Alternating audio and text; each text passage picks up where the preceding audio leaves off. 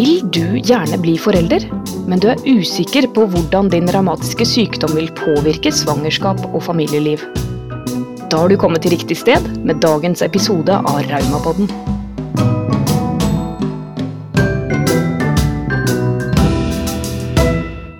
Hei, og velkommen til Raumapodden. I dag skal vi snakke om familieplanlegging når man har revmatisk sykdom. Joakim Sagen og jeg, Anna Frykselius, vi har mange tanker og spørsmål rundt dette. Og Hallo, hallo. vi har fått besøk i dag, Joakim.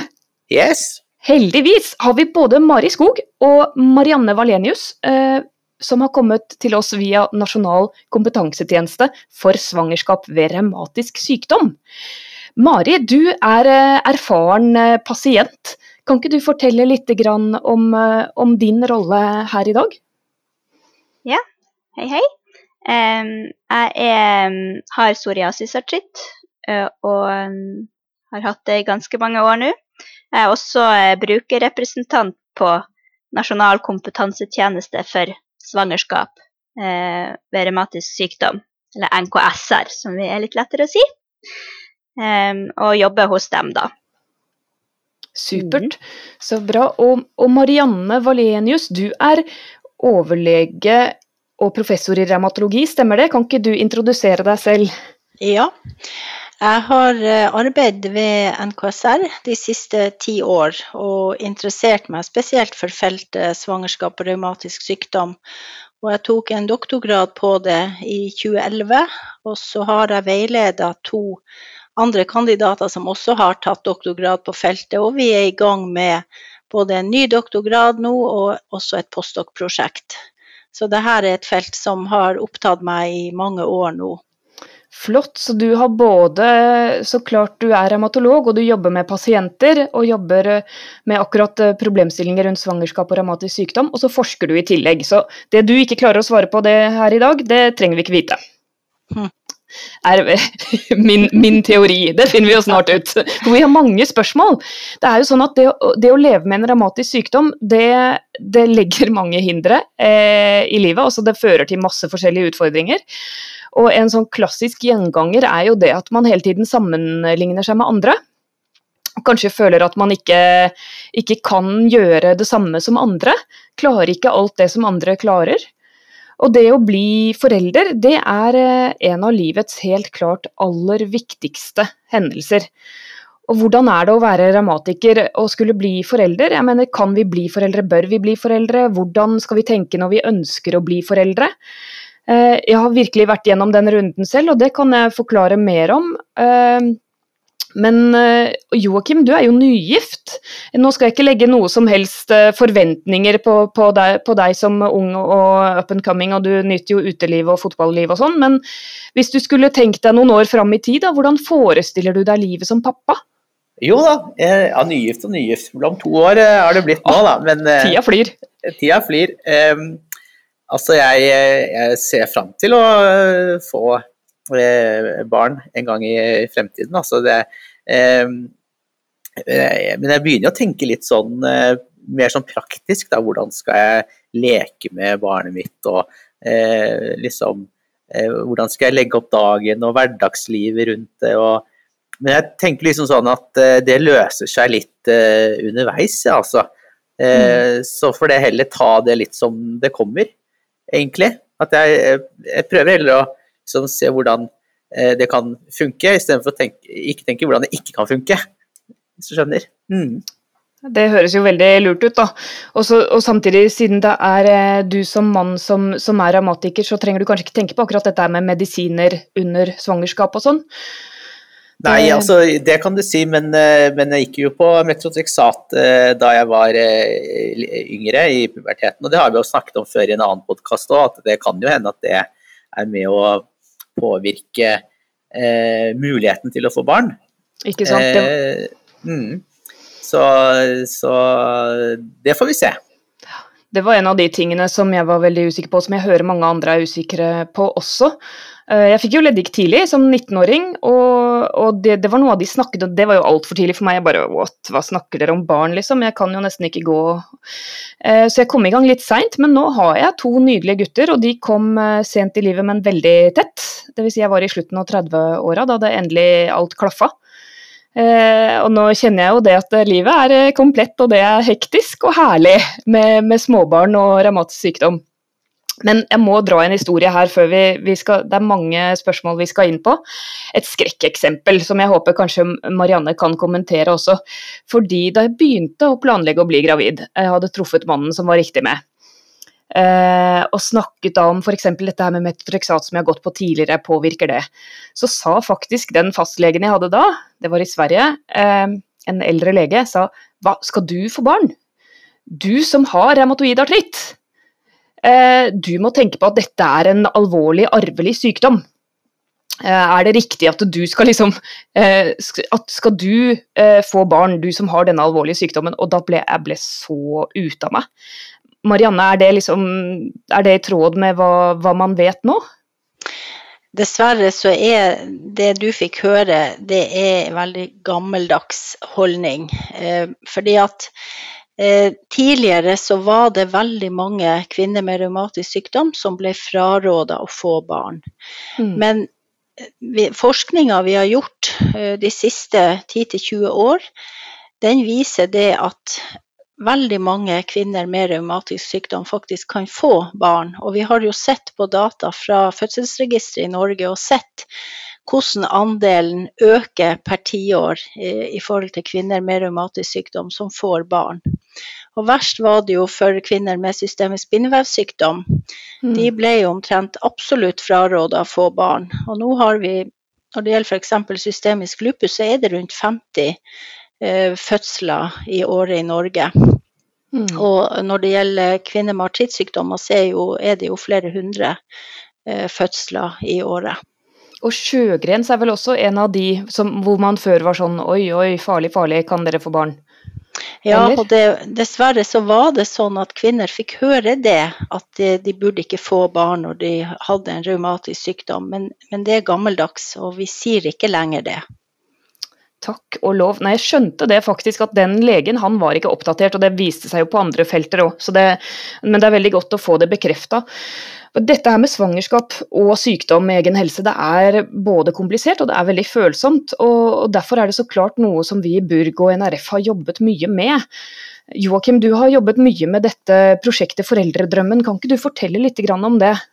Jo da, det er et eh, stort eh, prosjekt det, som er et samarbeid mellom NKSR da, og UCB og Spondylatrittforbundet. Eh, så i 2019 så gjorde vi en stor undersøkelse som vi sendte ut til eh, mange av eh, medlemmene i Burg og NRF. Og da viste det seg at ni av ti er bekymret for å få barn med revmatisk eh, sykdom. Ni av ti! Ni av ti, dere! Å, steike. Ja. Så man er både bekymret for å, for å, få flere barn, hvis man vil ha ett til, fordi mange opplever det som eh, slitsomt å ha ett barn. Og, og også påvirke, er man bekymret for å få sitt første barn. Eh, så det er både at man er bekymret pga. den revmatiske sykdommen, men også eh, hvordan det er med medisin. da. Eh, må, altså, det er mye usikkerhet, viser den undersøkelsen. Må jeg slutte på medisin? Påvirker medisin det og det? Og så er det også bekymring rundt det om sykdommen blir forverret. da. Eh, Kortsiktig eller langsiktig. Og så viser det seg at Eh, det er stor mangel på informasjon. Da. Det er veldig få som har opplevd å få støtte fra eh, helsepersonell, og, og, veldig få har i hele tatt diskutert eh, det å få barn med helsepersonell. Så det er mange spørsmål og usikkerhet. Og så hva er liksom, sånn som du nevnte, den der skrekkeksempelet, så har det jo skjedd mye, og det kommer hele tiden nye retningslinjer og Eh, og sånn hele veien. Derfor har vi denne eh, Derfor har vi denne kampanjen nå, da. Det, altså, det, virker jo som, dessverre, dette er et av de områdene som eh, veldig mange leger og, og folk i helsevesenet ikke har god nok kompetanse på. Da. og de, Alle burde jo få treffe Marianne, og alle burde få dra til NKSR, men det, det, det går ikke. Men vi, får, vi, har samlet inn spørsmål, også fra denne undersøkelsen, og, og kan da gå gjennom det, de vanligste bekymringene her nå i løpet av denne podkasten, så håper jeg det skal eh, kunne rett og slett avklare lite grann. Um, da Altså, Mari, du eh, Hvordan har din reise vært i forhold til å få barn? Eh, nei, for oss var det jo Jeg var syk, ganske syk i mange år før vi fant ei behandling som funka for meg. Så vi snakka egentlig ikke så mye om det å få barn. Vi visste jo at vi hadde lyst på det, men vi hadde ikke prata så mye om det. Men så eh, var jeg på rehabilitering, og så kom jeg over brosjyren til NKSR. Da var de jo ganske nyetablert, eh, men heldigvis lå nå denne brosjyren deres på den rehabiliteringsplassen. Eh, og da når jeg leste den, så ble det jo tent et lite håp i meg om at kanskje det faktisk var mulig å få barn mm. sjøl om man hadde en revmatisk sykdom. Og da begynte jeg jo å undersøke litt mer og lese litt mer om det, og så tok jeg kontakt med dem.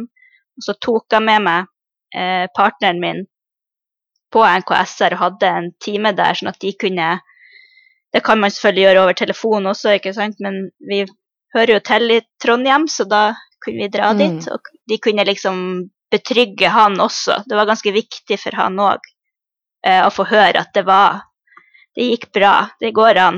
Eh, at jeg kunne gå gravid og tåle det. Det fantes medisiner som kunne hjelpe meg hvis jeg ble dårlig. Og, eh, og det var veldig viktig, det, da. Um, mm.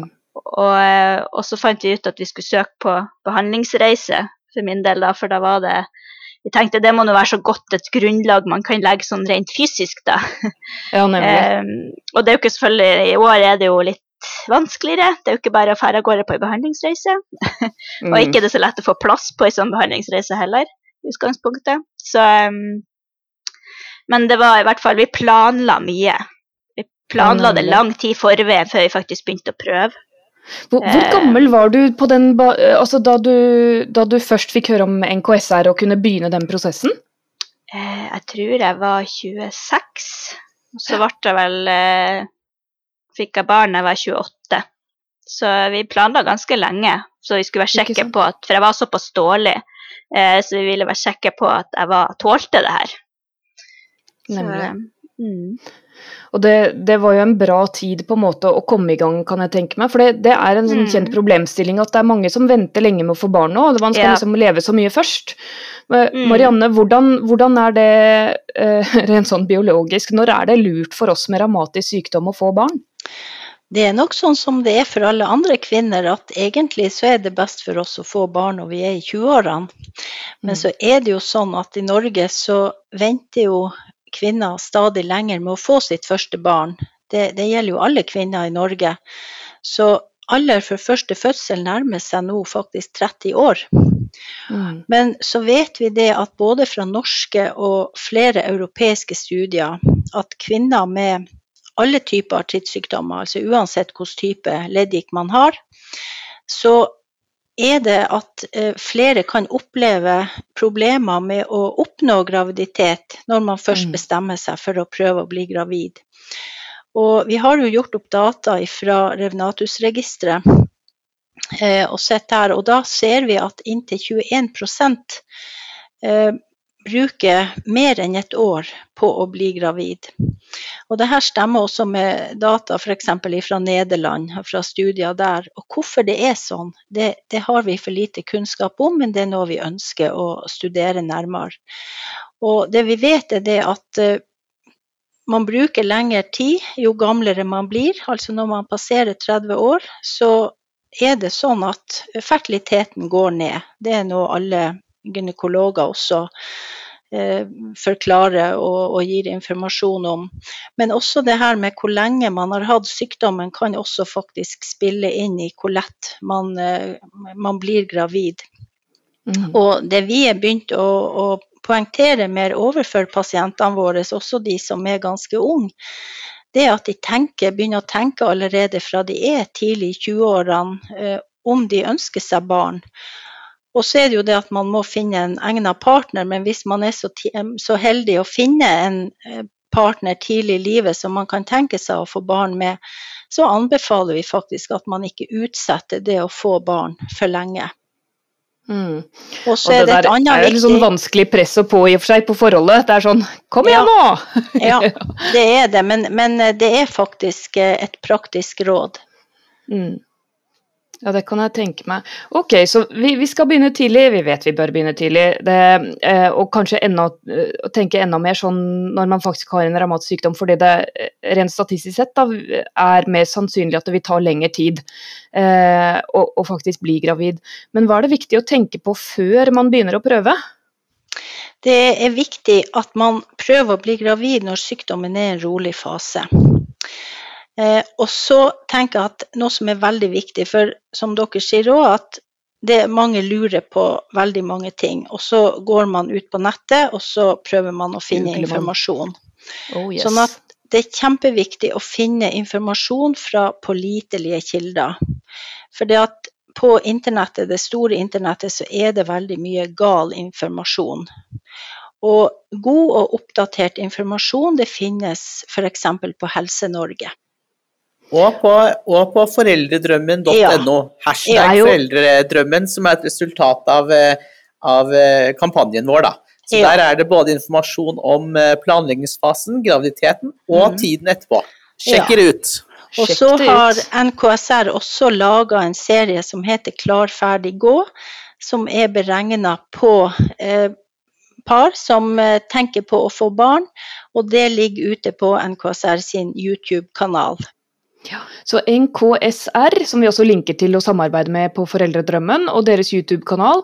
Og vi har samlet alt mulig på foreldredrømmen.no. Der kan dere finne god kvalitetssikret informasjon om temaet. Ikke gå på Facebook-grupper og spør andre pasienter og alle mulige folk hvordan, hvordan gjorde dere når dere skulle bli gravide.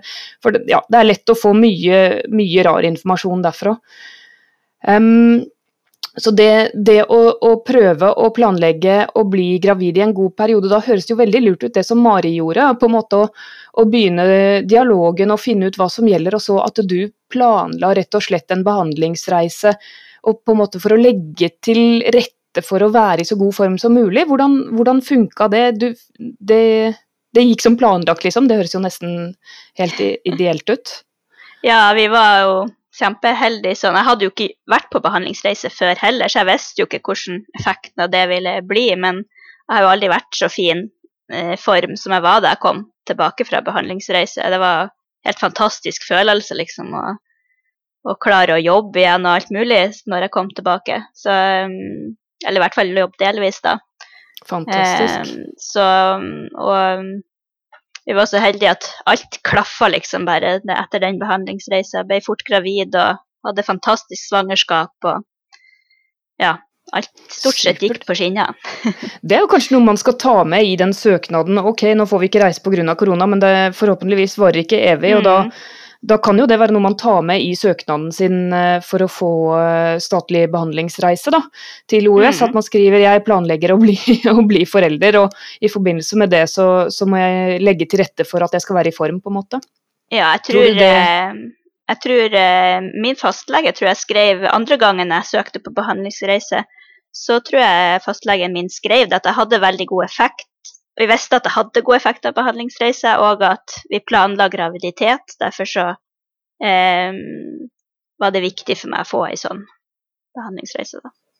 Ja, For det kan jeg jo si da som småbarnsmor eh, selv, at det, det er ikke lett å dra på behandlingsreise etter man har fått barn. sånn at det, Nei, det er også det er kanskje det. smart å gjøre det før. Mm. Det eh, Selv så opplevde jeg det vi, vi prøvde lenge for å få første. ikke sant? Jeg traff eh, endelig, fant eh, mannen i mitt liv og, og den som helt klart skulle være faren til mine barn. Da var jeg 35 allerede. sånn at da Mm. var jeg jo seint ute i forhold til hva Marianne anbefaler. da.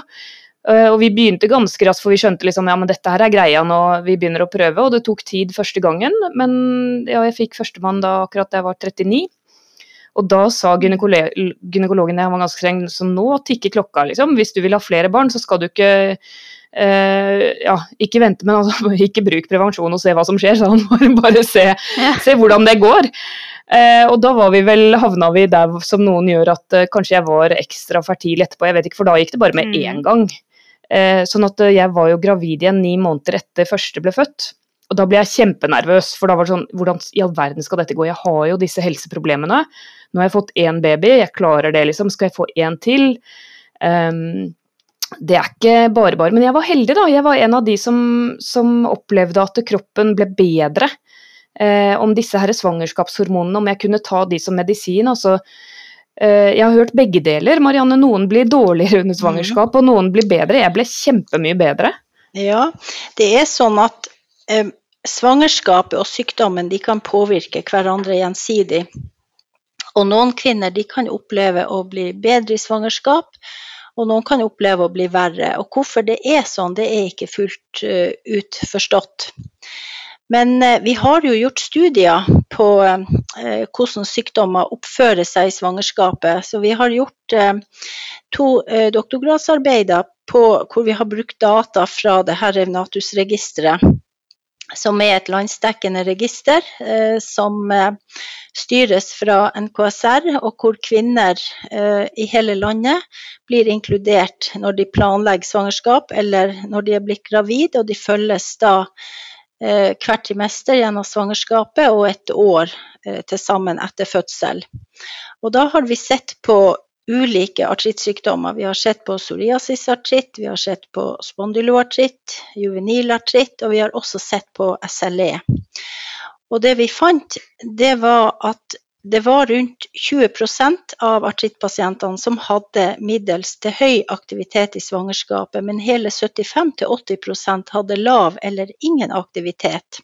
Og, og det var faktisk det er veldig bra, for det viser det at de her kvinnene er faktisk godt behandla i sine svangerskap, og at det er få som opplever problemer med en veldig aktiv sykdom. Og det er noe vi nå går aktivt ut og forteller når eh, kvinner prøver å bli gravid. Det som vi også så, det var jo det at sykdommen har en tendens til å blusse opp etter fødsel. og Derfor er det veldig viktig å være på vakt etter fødsel og starte opp raskt igjen med medisiner for å unngå det her oppblusset. Og nå holder vi på med tilsvarende studie når det gjelder revmatoid artritt. Ja, nemlig. For da kan man jo gå ganske på veggen, kan jeg tenke meg da, hvis du, har, du er bedre under svangerskapet, og, så, og hvis alt går bra og, og og du får babyen, ikke sant, og så kommer leddgikten, eller om det er eh, mm. en spondylartitt eller hva det er som blusser opp skikkelig etterpå, så sitter mm. du der da med en baby og skal ta vare på den og din egen helse. Ja. Så, men det er veldig viktig å følge de råd man da får av revmatologen, både eh, for medisinering i svangerskapet og medisinering etter svangerskapet.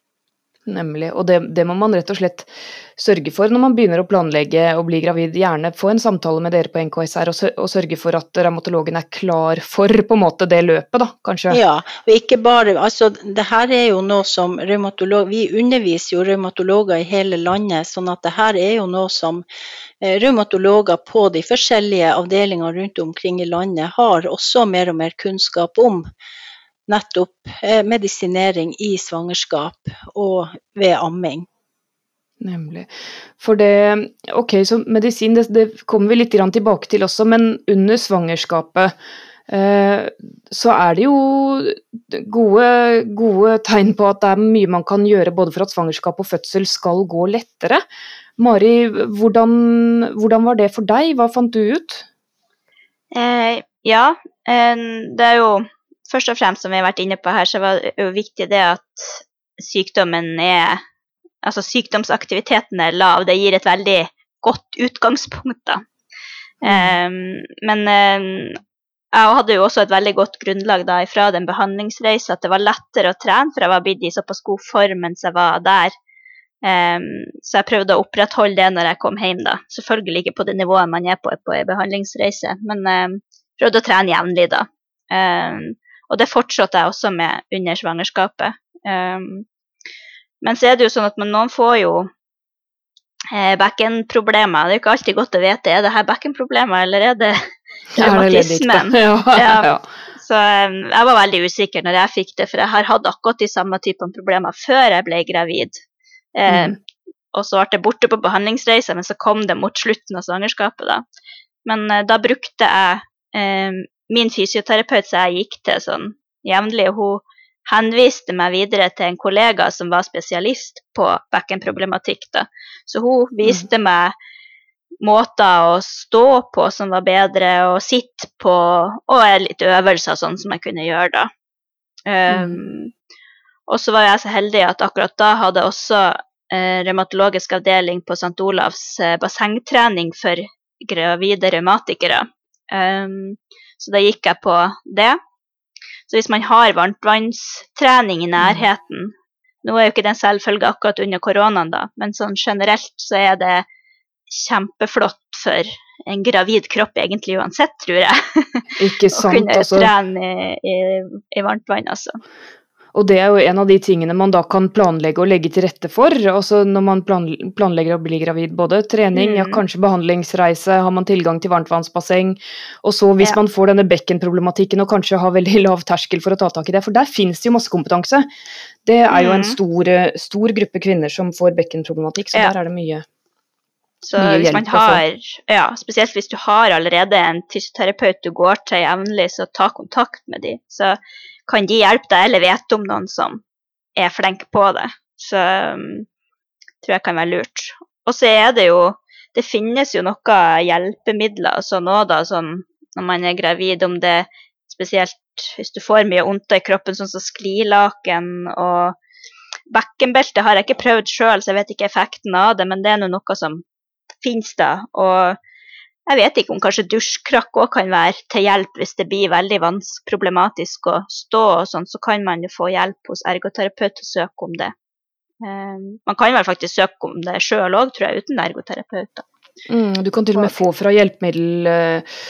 Altså kontoret. Eh, kommunene har jo disse utlånssentralene for, eh, ja. for enkle hjelpemidler, så du kan låne i en periode hvis du trenger under ja. svangerskap. da.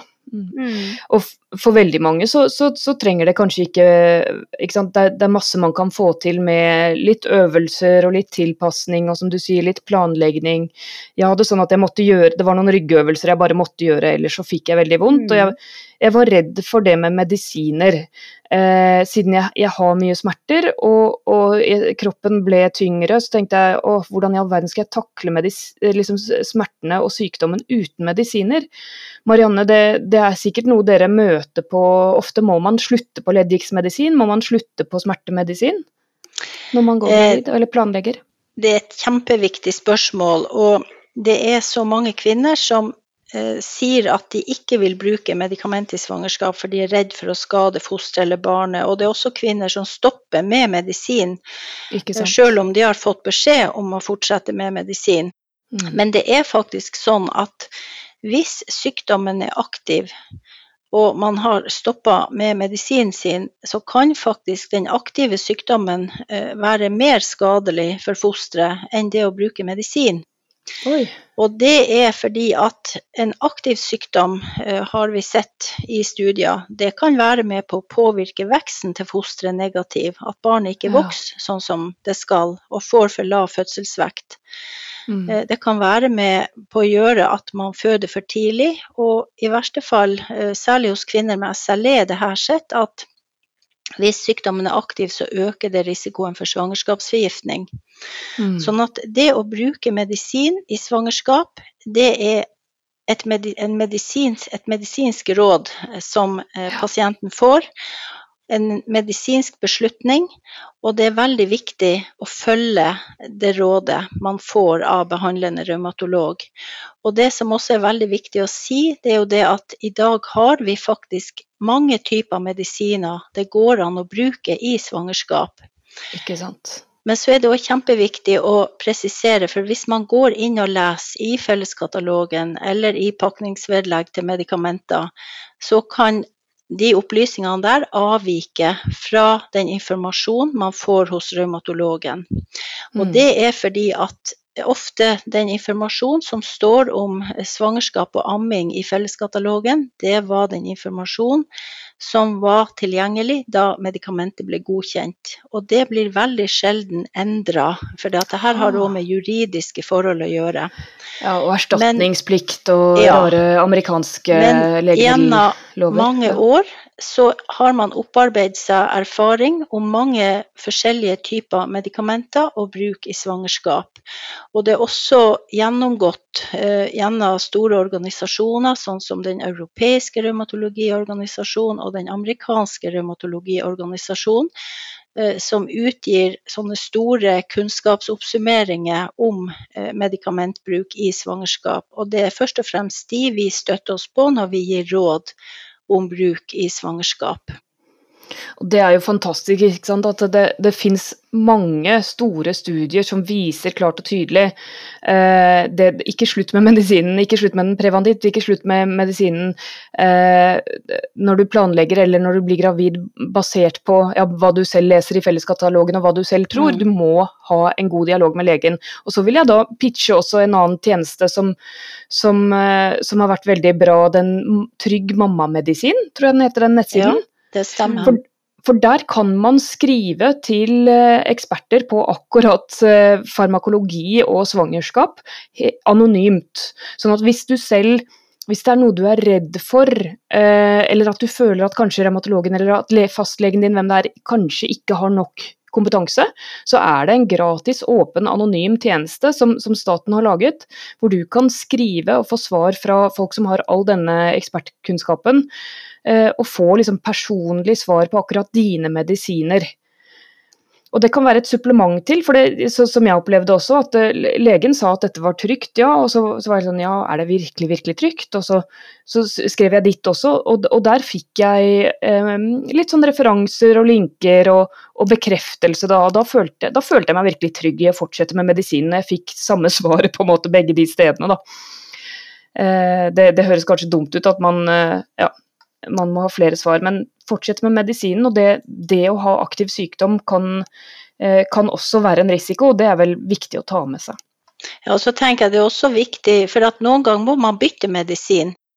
Mm. Eh, F.eks. metotrexat den kan man ikke bruke i svangerskap. Eh, og der får man beskjed om å stoppe med den tre måneder før man prøver å bli gravid. Men hos eh, en del så kan man da f.eks. bytte til noe som heter salasopirin, som kan brukes gjennom hele svangerskapet. Og TNF-femmerne kan vi jo nå eh, bruke, og brukes av stadig flere inn i svangerskapet, og også videre et godt stykke i svangerskapet, hos noen faktisk også eh, et stykke i tredje trimester. Hvordan er det med menn som eh, ønsker å bli far? Må de stoppe med noe medisin før? Nei, det er veldig få eh, medisiner menn må stoppe med. Og spesielt gjelder det metotreksat, hvor det før het seg at menn skulle stoppe med metotreksat tre måneder før de prøvde å gjøre partneren gravid. Men der har man fått mer dokumentasjon de siste ti år, og i dag så sier vi at menn kan fortsette med metotrexat når de prøver å gjøre partneren gravid. Men hvis det, går, altså hvis det blir problemer med å bli gravid, så kan man eh, prøve å stoppe medisin for å se om det hjelper på problemet. Så kult, da. Bekymringen min fra tenårene ubegrunnet, da. For da ja. visste man ikke. Da visste ja. man ikke. Det var kult. Så eh, det her Vi har ikke holdepunkt for at metotrexat påvirker fertiliteten verken hos kvinner eller menn over, over tid. Kjempebra. Mm. Så kult. Ja, for akkurat det å kunne fortsette med den medisinen som funker Vi vet jo liksom, Hvis du slutter med den medisinen som funker, hvis Joakim skulle slutte med dem når de planlegger å bli gravide, da, da risikerer man jo oppbluss. Og så hvis alt går bra på en måte og barnet kommer, så, så sitter du der med en ny baby og har sykdomsoppbluss. Mm. Det, det, er litt som en stor frykt som jeg tror mange kjenner på. At det, det kom mm. fram i undersøkelsen også. Det, det, er mange som er redde for at de ikke skal klare å, å ta mm. seg av barnet pga. sykdommen. Um, det, har dere noen råd så det kan bli lettere? Hvordan skal man tenke rundt det? Mari, har du gjort deg noen erfaringer og tanker der? Ja, altså um, at man altså Som vi har nevnt også tidligere, det med å starte opp eh, raskt på medisiner etter mm. eh, fødsel. Der har jeg brent meg litt, i hvert fall. For jeg var jo i så fin form. Eh, ja. Og så gikk fødsel gikk nå egentlig ganske greit. Uh, og så følte jeg meg veldig fin etter fødselen òg. Så når jeg var på seksukerskontroll hos revmatolog, så fikk jeg jo uh, resepten for å hente ut eh, medisin for å starte opp igjen, men jeg stressa liksom ikke så mye med det. Jeg var nå såpass fin, ikke sant. Så, Nå er jeg Så, frisk, eh, hurra! ja. men jeg gikk jo på en smell der, da. Eh, så eh, jeg ble ikke sånn superdårlig, men jeg fikk ganske mye mer vondt. Og det tok lang Altså, første gang jeg starta på biologisk, så merka jeg jo effekt at det bare er noen dager, liksom. At eh, den begynte å virke skikkelig bra. Mens nå tok det et halvår når jeg starta opp igjen, før effekten ordentlig begynte å komme. Så sånn at- nemlig å begynne med en gang, da. Ja. Egentlig. jeg- Marianne, hvor tidlig kan man begynne igjen? Ja, etter- vi etter sier at uh, hvis alt er helt greit etter fødselen, det ikke er noe tegn til infeksjon, så kan man starte opp igjen to uker etter fødsel. Og amming, er det trygt? Og det er helt greit å amme når man bruker TNF5-er. Ok. Mm. Så det er det rådet vi gir i dag, å starte opp med medisin så fort som mulig, fordi vi vet at det oppblusset kommer på et eller annet tidspunkt hos de aller fleste i løpet av det første året etter fødselen, hvis de blir gående uten medisin. Ok, så her er det, det er to, to det, er, det er i hvert fall tre viktige takeaways eh, så, Mm. så langt her. da. Planlegge i, i god tid, og, og, og sånn at du kan bygge opp til og legge opp til å ha en så god periode som mulig med, med f.eks. behandlingsreise og sånn. Og trening underveis. Ikke slutt med medisin. Um, uten å, så all medisinbruk under uh, både planlegging og svangerskap må diskuteres grundig med lege. Og Mm. kom i gang igjen tidlig, for det kan da gjøre det lettere å ta seg av barnet. Uh, Ja. Siden dere ser at det er mange som får Mm. oppbluss etterpå, så er det å ha riktig oppfølging under med behandling av den revmatiske sykdommen under graviditeten, og rask oppstart etterpå, det blir viktig, da. Ja, og det Mm. at det er mange typer medisiner man kan bruke ved amming òg. Ikke sant. Supert. Og så ehm, Ja, jeg, jeg prøver å, å tenke tilbake på den tida ikke sant? når du har fått en nyfødt baby. Alt er nytt. Alle, alt er nytt. Man sover ganske lite. Eh, sykdommen blir på en eller annen merkelig måte noe noe av det eneste man kan noe om. ikke sant? For det, hele resten av livet er bare kaos. Eh, og, og, og akkurat det der å få til amming og sånn, og rutiner blir vanskelig. Sånn at medisin, rutiner, også for kosthold og trening det må jo nesten bli sånn ta på, ta på masken din selv før du Og nå snakker jeg om fly, som vi jo ikke gjør noe Mm. særlig for tida, men ta på oksygenmasken selv før du skal hjelpe andre, for det du kan ikke gi på en måte barnet 150% hvis du bare gir 10, 10 til deg selv. Da. Hvis du har en Mm. kronisk sykdom, så må den faktisk behandles og følges opp for at du skal kunne ta deg av barnet ditt. Er det riktig måte å tenke på? Mm. Jeg tenker jo litt sånn, eh, jo litt sånn eh, Du spurte jo innledningsvis eh, hva jeg tenker med å få barn. Tenker jeg, jeg har jo tenkt veldig mye på meg selv i det siste med sykdommen og eh, levd som en toppidrettsutøver og, og, og ser egentlig fram til å kunne eh, gi eh, fokuset eh, mye mer til, eh, til eh, eh, barnet mitt. da. Og at det, at det blir en slags distraksjon, avledning, og at ikke det blir, ikke blir så selvsentrert. Det er sant. Det er jo et, et helt fantastisk fokus å få. Også all den kjærligheten og nærheten. øh, og sånn som en liten baby, den trenger jo bare uendelig med kos, liksom. Det, det, Mm. Kos, det er smertedempende, det. og det å, ja, å pleie og passe og eh, kose og stelle, og om man er kvinne så får man amme, og om man er mann så får man eh, både ordne med bleier og klær og mat til liten og stor og Ikke sant, det derre men som du sier, du blir liksom dratt ut av deg selv da, og får virkelig bry deg om noen annen. Og et sånt fantastisk lite nurk som ligger der og spreller og etter hvert smiler og, eh, og vil være, være med i livet ditt, liksom. Det, ja, sykdommen blir liksom Den får mindre plass helt av seg selv, for det barnet, det, det får den plassen. Mm. Det er et eh, spørsmål her som jeg, som jeg hoppet litt for, for raskt over i, i forbindelse med fødsel. Nå er jeg tilbake på, på kvinner med, med revmatisk sykdom som, som eh, planlegger graviditet. Er det noe spesielt man skal tenke på ved fødselen, Marianne? Bør Altså, man det ha keisersnitt, eller? Hva? Er det, det er mange som tenker å, jeg må sikkert ha planlagt keisersnitt. Er, Ja. det, er det noen dere ser? Vi får jo Det er veldig mange som bekymrer seg omkring fødselen. Og hos mange så begynner den bekymringa straks eh, de blir gravid. Mm. Og det jeg vil eh, presisere, det er det at vi har nå fått til et sånt eh, nasjonalt forløp, og der er det lagt inn i uke 32 en fødselsforberedende samtale. med jordmor eller fødselslege, eh, og hvor man går igjennom det her med fødsel. Og eh, det er sånn at de aller, aller fleste pasientene de anbefales å føde på vanlig vis, altså vaginalt. Mm. Sånn at eh, det er eh, spesielle indikasjoner hvis at det er keisersnitt. Men det her er noe som, som kvinnene da skal ta opp på denne samtalen. Mm. Og det, er, det her er et uh, forløp som nå ligger i nasjonal veileder for, uh, for fødselsmedisin uh, i regi av Norsk gynekologisk forening. Og da er det en nasjonal standard at kvinner skal ha denne samtalen. Ja, jeg tenker litt, hvis jeg, tenker litt, hvis jeg hadde vært dame, så hadde jeg gruet meg veldig til fødselen. Så stive hofter som jeg har. Jeg klarer Mhm. ikke å Altså, hvis, hvis det er helt spesielle forhold, eh, at man har hofteprotese eller så, så er det klart at da blir man jo vurdert for, eh, for keisersnitt. Og det kan jo være helt andre forhold som ligger til grunn som gjør at man ville ha hatt det uansett om man har en revmatisk sykdom eller ikke. Men poenget mitt er at eh, kvinner med revmatisk sykdom eh, i de aller fleste tilfellene vurderes sånn som kvinner ellers i befolkninga. Ikke sant? Har man på en måte leddeproblemer i både hender og føtter og sånn, det, det bør jo ikke ha noen innvirkning på, på fødselen. Og så, så er jo faktisk keisersnitt er en ganske stor operasjon. Det Sånn er jo eh, en, et operativt ha- inngrep og ikke noe enkel eh, quick fix. Så, eh, så de aller fleste rådes til å føde vaginalt.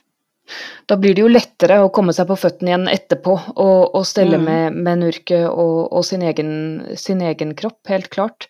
Men det, det blir jo eh, vi, vi har heldigvis en helt fantastisk svangerskapsomsorg i Norge, det må jeg bare si. Eh, statistisk sett, når man sammenligner land og sånn, så ser man jo at vi, vi, vi ligger det, Dette er et trygt land å, å føde i. Det er veldig få som får alvorlige komplikasjoner. Det er veldig veldig lav eh, spedbarnsdødelighet. Sånn at det der å stole på at disse her rutinene um, de, de, Det er trygt, altså. Eh, Så klart man blir redd. Alle, alle kan jo kjenne på den eh, frykten hvis man har hørt en, en skummel fødselshistorie eller to, men når du først er på sykehuset, for det er noe med det, det er noe eh, all, alle tankene du har i forkant, men når du først er på sykehuset og det er i gang, eller fødselen skal i gang, da, det, det løpet der, det er så eh, trygt innarbeida i norsk helsevesen at det mm, Ja. Jeg tror man kan eh, stole på at når du kommer dit, og det, ok, trengs det å ta keisersnitt når du er der, eh, hvis det begynner og det er noen noe komplikasjoner, så skjer det, da. Eller er det feil å tenke at du kan vente så lenge? Nei, det går utrolig fort i svingene hvis du må Jeg har prøvd både keisersnitt og vaginal fødsel, og det går Ja. veldig fort når det først trykkes på knappen om at det trengs keisersnitt, for å si det sånn. Så, men eh, det er ikke noe å trakte etter hvis du på en måte har Altså, hvis du er frisk nok til å tåle en vaginal fødsel, så vil i hvert fall jeg helt klart velge det. For det er Du kommer deg så mye fortere etterpå. Du, altså, du blir jo liggende mye i ro etter et keisersnitt, og det er ikke noe særlig optimalt for en revmatisk kropp. Altså, Nei. Og et stort Så- sår, ikke sant. Mange lag Mm. innover, som også på en måte betennelsessituasjonen der. Ja. Men Altså, det jeg er tenker er viktig å, å få frem, det er jo det at eh, det er jo fødselslegen som er den som har kontroll om denne situasjonen og gjør de vurderingene. Så det tenker jeg det er veldig viktig å få frem. Og så er det jo sånn at når man har en revmatisk sykdom, så er det sånn at man eh, Det er anbefalt at man er til kontroll hos revmatolog eh, minst én gang per trimester. Eh, og så er det også anbefalt at man har eh, tre kontroller i løpet av første år etter fødselen. Mm. Og så er det også lagt opp sånn at hvis man antar at det er spesielle risikoer med svangerskapet, så blir man fulgt opp ekstra hos eh, gynekolog, fødselslege i løpet av svangerskapet, bl.a. for å sjekke tilveksten til fosteret. Sånn at det er et standardisert kontrollopplegg. Så det kan man være trygg på, og, og, da blir din oppgave som pasient egentlig bare å følge det opplegget.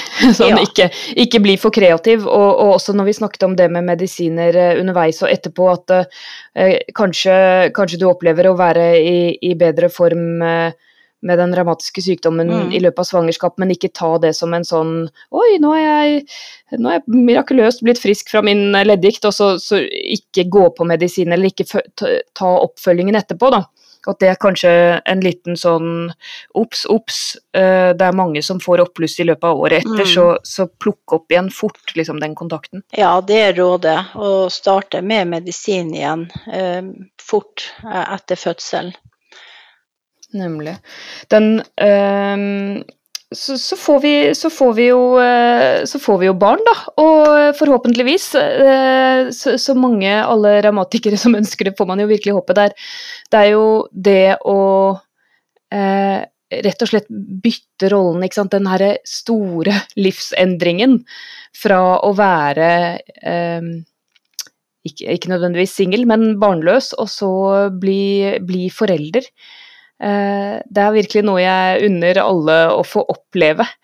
Den, eh, så, mye, så mye glede, og ja, som sagt, det er, det er kos, og det er, det er, spennende, og det er, ja, det er krevende, men det her med søvn og, og Ok, jeg kan ha smertedager, men eh, jeg må si en, en, liten baby den vil jo bare ligge og kose uansett, og det, det klarer man også hvis man har vondt, liksom. Det er bare ligge på sofaen og se på Netflix og amme, liksom. Det, det er det jeg husker fra de første månedene med baby.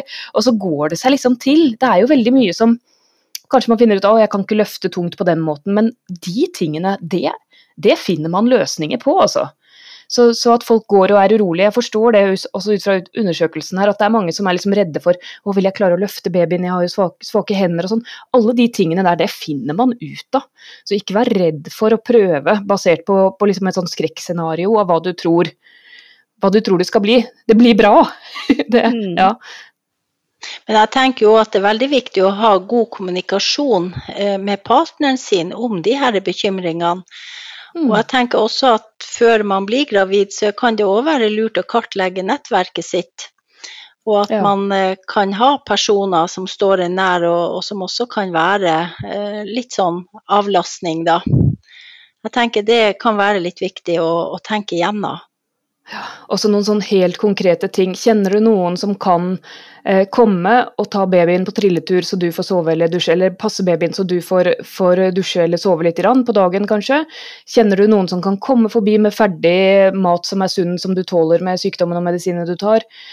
Komme med litt middager, liksom, så du blir avlasta på de måtene. Det er jo sånne ting man kan sette på plass på forhånd også, og avtale. Akkurat som du sier, aktivere nettverket sitt i den mm. grad det er mulig, da. Mm. Joakim, du må lære deg å lage mat. Eh, ja, det, det, kan jeg, vet du. Jeg er Brette eh, bleier. Ja da. Jeg, eh, jeg, eh, er forberedt, for å si det sånn. Så altså nå, hvis, uh, hvis nå, dere det er, det, er, det er, jo på en fredag nå vi spiller inn uh, denne podkasten, så skal kose meg i helgen, for å si det sånn. Ja, ja, da vet du hva du skal gjøre, liksom. Og så, yes. så, så, så, får du liksom begynne å forberede Jeg regner jo med at hvis du får barn eh, i, i framtiden, så kommer jo de til å bli sånne fotballstjerner, da, for du er jo fotballfrik. Ja, altså jeg syns den der reklamen hvor eh, pappaen satt i underbuksa og barnet satt med bleien med liksom hånda litt nedi og så på fotballkamp, det er liksom sånn jeg ser for meg ser for meg eh, foreldrerollen. Ja. Sånn skal ja. det bli. Ja. Fotballpappa ja, Fantastisk. Men dere, jeg sier tusen takk for, eh, for praten her i dag. Så, så, håper jeg at uh, folk har fått uh, noen svar på ting de lurer på. Og ellers, sjekk foreldredrømmen.no og ta kontakt med NKSR, så, så, kan dere få råd om alle disse tingene. Du er ikke alene, og det går bedre enn du tror. Ikke vær redd for å prøve å bli forelder selv om du er amatiker. Det er fantastisk fint. Er det lov å si det? Ja, det er lov å si det. Ja, Sorry. det er ja, helt klart. Hei da. Ha det. Ha det. Ha det. Ha det. I dag har vi snakket om familieplanlegging når man har revmatisk sykdom. Til deg som lever med revmatisk sykdom og lurer på hvordan det vil påvirke dine muligheter til å få barn, gå inn på foreldredrømmen.no, så finner du all informasjonen du trenger.